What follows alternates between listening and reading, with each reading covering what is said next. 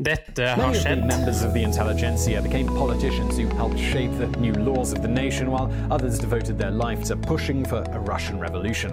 Vladimir and his older brother Alexander Generation X versus. Z. Sandberg Productions presenterer Den ekte samtalen om og med generasjon X og Z. Hold deg fast og nyt. Hei, hei, kjære lytter, og hjertelig velkommen til eh, dagens episode av Generation X versus City. Og i dag, kjære kompadre, så skal vi eh, fortsette der vi slapp i forrige uke, og vi skal snakke om vår venn eh, Vladimir Ilyich Ulyanov, eh, kjent som Vladimir Lenin. Ja, han eh, var vel ikke min venn, men han er vel kanskje mer i retning din venn, eller? Er Det det? der det kan vi legge på is nå. Ja, nå skal vi bare snakke litt om uh, hva som skjedde, da. Den russiske revolusjonen var et lite frø, og hva som ble av det frøet. Ja. Alene er jo sentral her, da. Ja, i hvert fall i begynnelsen. Absolutt. Både i forkant av revolusjonen, ikke minst under revolusjonen, og ikke sant. Dønningene har jo satt sine spor, men eh, nå skal vi også til år 1905, og nærmere bestemt da i til Sveits, for det er der han oppholdt seg eh, da. Og vi skal til eh, der hvor han og en gruppe mennesker bryter seg inn i det såkalte vinterpalasset til tsaren i år eh, 1905. I Sveits. Ja. Vinterpalasset er vel i St. Petersburg? ja, men han dro fra Sveits Ja. til St. Petersburg. Og før innbrudd i 1905? For å gjøre innbrudd, ja. Oh, ja. Eh, Ok. Og det det innbruddet, det skal vi høre om nå. Hva som skjedde før og under det innbruddet, da. Å ja, ok. He was still in Switzerland, and he was panicking because the revolution it was starting without him. The political parties were split into two groups the Provisional Government, which was made up of the representatives called the Duma, and the Workers' Soviets, who were controlled by the trade unions and made up of the peasants, soldiers, and factory workers. Lenin knew that he was no match for the Provisional Government's leader, Alexander Kerensky. He was a seasoned lawyer and a master of public speaking. Kerensky resonated with the Duma, and since Lenin was not actually a lawyer, he knew that he would lose in a political debate against him. So, therefore, Lenin focused his efforts on trying to manipulate the lesser educated workers' Soviets instead. When he arrived at the train station, Lenin's friends were there to greet him, and he hardly said hello before standing on a pedestal to shout at the crowds that they had done an awful job with the revolution and that it wasn't going to be over until they took down the provisional government. Almost no one actually agreed with him, and they just carried on going about their business. Even his fellow Bolsheviks no longer wanted to print his essays because it was such an unpopular opinion. The provisional government was leading Russia back to war against Germany, and World War I it was still going on. But soldiers, they were not happy to serve. It was the reason why they had overthrown the Tsar in the first place. People wanted the war to be over. Many of them abandoned their posts on the battlefield or completely refused to go in the first place. Lenin, he tried to stand up again and lead these crowds of peasants, but someone from the provisional government shouted that he was a German spy. This made the crowd turn against him and he had to run away. Alexander Kerensky could see that he was going to cause a lot of trouble for the authority of the provisional government, so he outlawed the existence of the Bolshevik Party. Lenin, at this point, he needed to escape. He put on a bad wig, shaved his beard, and got on the next train to Finland. Vladimir Lenin, he spent a very long time hiding on a Finnish farm, continuing to write his ideas and send them back to Russia. Since no one was actually listening to him or agreeing with his ideas, he decided to take Russia by force. One night in October of 1917, he snuck back into Russia and met up with his comrades in Petrograd. By this time, he had convinced more members of the Workers' Party to join his side. He convinced his Bolshevik followers of the Red Guard to break into the Winter Palace for a coup d'etat. They captured members of the provisional government at gunpoint. The Duma, they were arrested, taken to jail, and Vladimir Lenin became the new leader of Russia without ever being voted in. Ja, det her var jo da i 1917, og ikke, 0, ikke 1905, som jeg sa. Eh, Beklager det, kjære lytter. Eh, Ja. En liten råtasse der, Lenin. Ja, ja, ja. Han eh, dro jo fra Russland til Sveits, tilbake til Russland, og så til Finland, og så til Russland igjen, da. Hva vil du si om han som person, Henrik? Jævla standhaftig, da. Standhaftig, sta, grinebiter, egoist. Mm. Eh, Manipulativ. Ja. Jeg har ikke så veldig mye Unnskyld meg, Henrik, men jeg har ikke så veldig mange positive eh, uttrykk jeg har lyst til å bi meg inn på her når det gjelder han. Nei, det er vel Eller? ikke så gode kombinasjoner å ha, de greiene der, nei. Nei, ok. Ok. Eh, Ja, nå skal vi jo da få høre om som skjedde etter han der kompis eh, ble den eh, russiske lederen. Ja. uten da å ha blitt stemt inn eh, i det russiske parlamentet, og om hvordan Moskva ble Russland sin hovedstad. Ja, ok. Ja, ikke sant? Fordi nå er det 1917, og revolusjonen har vært, holdt jeg å si. Revolusjonen er i full blomst. Den er i full blomst, ja. Eh, Og det som skjer nå, det er at eh, den begynner da å få bein å stå på. Ja, ok. Ja, la oss høre, Henrik.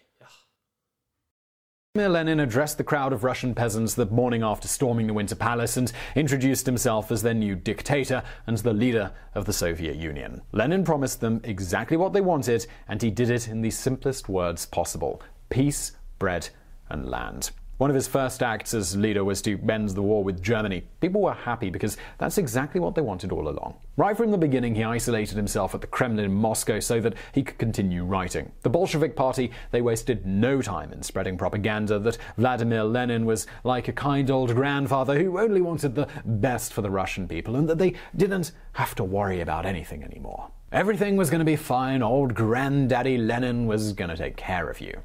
In reality, though, he was bloodthirsty, and he wanted his revolution to be as violent as possible. He told tenants to kill their landlords and encouraged violence against the upper classes. He gave out the order to his Red Guard to remove the Romanov royal family from their palace. At that time, the number of men who joined in Lenin's Red Guard had grown to 200,000, and he had a small army to stand behind him. Many of the Russian people, they protested because they loved the Romanovs, especially the young children. At first, Lenin lied, saying that they would be kept somewhere safe. But once he realized that they were too much of a threat to his power, he ordered their execution. Since the family was being held in Siberia, it took a very long time for the public to learn about their deaths. At first, people believed that it was just Tsar Nicholas who was killed and that the women and children were spared. It would take years for the public to learn the truth of his brutality. Det var vel bare en bekreftelse på uttalelsen i stad, var det ikke? Jo, Egentlig. jo da. Han trodde jo at han skulle bli en sånn gammel bestefar, men det ble han jo ikke. Nei. Svært imot, for Ja. å si det pent. Eh, Han var vel en martyr, ja. Men jeg har et spørsmål til deg. Ja. Altså, Jeg kan jo skjønne, uh, hvis du ser historikken Altså, russerne de var veldig fattige. Det var hungersnød. Det har vært krig i tre år. Mange døde. Og det var stor, stor elendighet. Og veldig stor usikkerhet. ja. Og så hadde du eh, adelen med tsaren i spisen som levde overdådig og ga beng. Og bare antageligvis tenkte på seg og sitt. Og det er klart det blir, som vi sa i forrige gang, jeg sa, det blir jo pang ut av det. Så, så den biten forstår jeg. Så, men hvis man hadde hatt andre ledere da, som tenkte mer på demokrati og folkestyre enn det Lenin eh, representerer, hva hadde skjedd? Det vet jeg sannelig ikke, men eh, det her er jo et perfekt scenario for spådommer, da. Ja, det er jo det. Ja, du hadde et scenario der som eh, var litt interessant. Kan du ta det på nytt? Ja, øh, spådomseffekt her. Ja. Sett nå at ikke det var Lenin, øh, men øh, en gjeng øh, mennesker som gjerne ville Som hadde demokrati og folkestyre som mantra. Og ikke sin egen egoistiske style. Hva da? ja, det er mye å ta tak i her. Men det hadde nok blitt litt mer som øh, øh, i Europa da, på den tida. Den tida var jo i, opp, i en oppadgående kurve. Eller er det så enkelt å si at eh, når ikke menneske eller kultur der de bor, har tradisjon for eh, en demokratisk tankegang, så er det den egoistiske tanken som eksploderer, og som får festerot. Og det er det man er vant til, og det er det man tenker. Ja, det er så enkelt, men samtidig så vanskelig, for det er Ja, at det må gå seg til på et vis. Ja, så Grunnen til at det blir så komplisert, er jo fordi man vet jo da ikke hvordan andre funker. Nei, hvis man hadde hatt, da, si en opposisjonsleder Ja, Det som kunne gått i bresjen for demokratiet, ja. så kunne man jo kanskje da eh, gitt det en sjanse, da. Ja da. Og se hvordan det fungerte. Ja da. Men spørsmålet hadde vært om det hadde latt seg gjennomføre i praksis. Er historien prega av så store tilfeldigheter? Ja, øh, ser du bare i øh, Danmark. Ja. Der var det jo veldig store tilfeldigheter som øh, forma det Danmark vi kjenner i dag. ja, ikke sant? Med Danmark, Norge, Kalmarunionen osv. Ja. Det var jo bare tilfeldigheter. Ikke sant? Det er tilfeldighetens spill. Nei, det, det, det er interessant. Skal vi, dette må vi ta senere. Ja, jeg har noen klipp som øh, går litt mer i detalj på det der. Ja, du har det?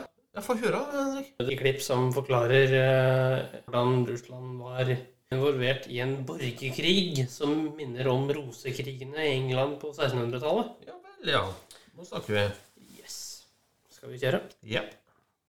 In 1918, a woman named Fania Kaplan attempted to assassinate Lenin. She shot him twice at close range. Now, he was seriously injured, but he still managed to survive. Kaplan was arrested and she refused to give up the name of any of her co conspirators. She was executed in September of that same year. Lenin would recover from his injuries in the hospital, but from that day forward, he showed no mercy to anyone who expressed even the smallest opposition to his rule.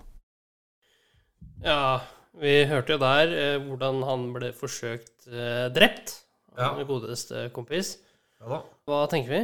Eh, Kan du dra den litt? Det gikk litt for kjapt engelsk for meg, Henrik. Ja, hva, hva trenger du? Nei, jeg trenger å vite Altså, hva skjedde her nå? Nei, det som skjedde eh, Året er 1918. Ja. Og en dame som heter eh, Fania Cappelen, Ja. prøver å drepe eh, eh, Vladimir eh, Lenin fordi han ikke aksepterer noen form for opposisjon. ja. i sitt styre, og det er da kimen til en eh, borgerkrig. Det er jo det som gjør det litt komplisert her nå, da. Ja, jeg har jo lest meg opp, eh, sett og hørt på hele det klippet som jeg har klippet ned, eh, og som vi hører her nå. Men hva er ditt inntrykk av? Mitt inntrykk Ja. det er at hadde hun klart å drepe han, så hadde nok Russland gått i en mer sånn eh, ikke kapitalistvennlig eh, retning, men det hadde nok gått i en mer demokratisk retning. Ja, ok. Skal du fremdeles stemme Rødt, Henrik? Valget som nå kommer snart? Ingen kommentar. Nei. Eh, Men nå skal vi jo da få høre om denne borgerkrigen, da. Ja. Og litt etterdønninger derifra. Ja, gjerne. Even though he always encouraged the peasant class to stand up for their rights and rebel against their government, it was no longer okay to do so once that was his government. Anytime peasants or farmers tried to protest against his new rules, they were killed without mercy. Those who opposed Lenin didn't go down without a fight, though. In 1918, a group called the White Army battled against the Red Army in a civil war, fighting to take down the Soviet Union. However, the White Army was not organized very well, and they lost the war. In 1920, farmers were angry that their grain was being stolen from them for the greater good of the communist nation. This began what is known as the Tambov Rebellion, but they were all gassed by the Red Army and their crops were taken away from their dead hands. At least 50,000 people were interned, mostly women, children, and the elderly, some of them sent to camps as hostages. There were several other incidents like this, and any rebellion among the Russian people, it was quickly squashed. Even after trying to make his political philosophy work through threats of death and destruction, Lenin knew when to call it quits. When millions of people were on the brink of dying from drought and famine, he decided to temporarily stop communism and allowed farmers to keep the food that they planted and sell the excess food for profit. You know, that's something called capitalism. Unsurprisingly, this was a huge success. People were no longer starving and the economy improved. Once things had stabilized again, Lenin went back to forcing food rations. Unfortunately, not every leader who followed in Lenin's footsteps knew when to take a break from communism during a time of famine. Lenin's successor, Joseph Stalin, would be remembered as one of the worst dictators who ever lived for this very reason. Mye å ta for seg. Ja da. Slu fyr. Ja. Det jeg bet meg merke i, det er at han hadde en viss medlidenhet med folket sitt, fordi han ville jo da en eh, pause, hermetegn, fra dette styret sitt for å la dem få mat i en eh, liten periode. Jo, men det var jo bare en liten periode. Hva var grunnen til at han stoppa med det? Altså, det Jeg tror ikke han var så snill likevel. Altså, han bare for å posisjonere seg ytterligere, vil jeg tro, da. Ja, ja, det var vel for å skape denne bestefar-figuren, da. Ja. Som vi var inne på, for å eh, vise at jeg er en eh, mann av folket, og for å bli en sånn dobbeltmoralist, da. ja. Nei, dette her er råe saker, Henrik. Eh, Dette er begynnelsen på det kommunistiske Sovjet, altså. Ja, ikke bare begynnelsen på det kommunistiske Sovjet, men på den kommunistiske verden Ja. Det kan man jo trygt si. for øvrig. Og eh, han eh, kompis, han dør jo han i 21. januar 1924 av helseproblemer. Ja, og Han som tar over, er jo ikke direkte bedre, for å si det sånn. Nei, og det hørte vi jo i det siste klippet jeg spilte nå, at han eh, var en av de verste diktatorene i eh, eksistens. Ja. Og det med god grunn. Eh, Vi har jo en nå, da, som styrer nå. Han er, vel- er han bedre, tror jeg. Nei, altså han Han er vel egentlig ikke det. Han er ikke praten om. Han Putin? Mhm. Nei. Nei da. Eh, Jeg tror vi eh, ikke skal strekke den strikken ytterligere. Nei Skal vi avslutte med humor, eller? Ja, vi kan få det.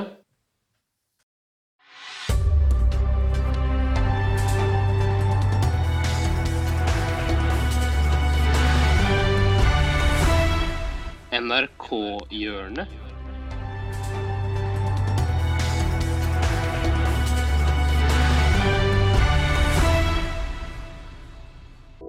Og nå har vi NRK-hjørnet!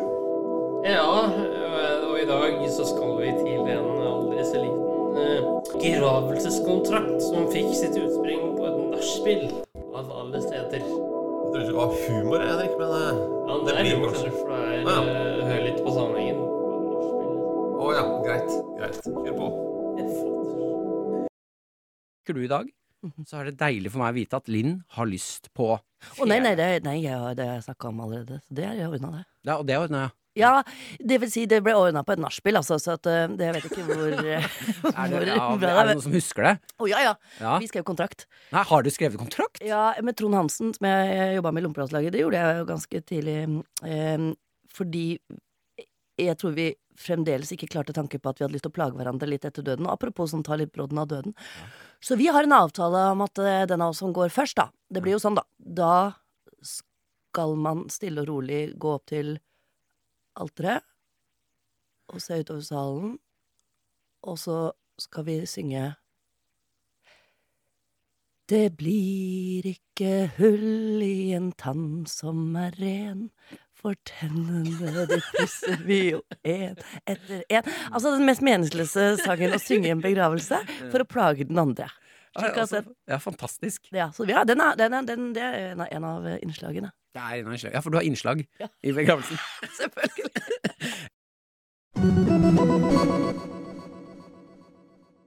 Henrik? Ja. Var det humor? ja, jeg vil øh, påstå det. Til en viss grad, i hvert fall. Jeg, tror heller det der var sånn fyllevrøl som eh, ikke blir eh, Ja.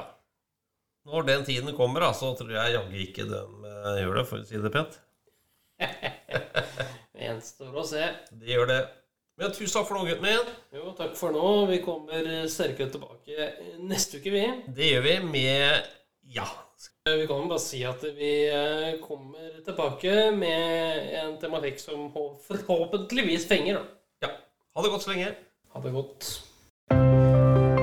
Tusen takk for at du fulgte oss. Eh, Gi gjerne tilbakemelding, likes eller kommentar på Facebook-siden vår Generation X versus Z. Velkommen igjen til neste podkastepisode. Hei då!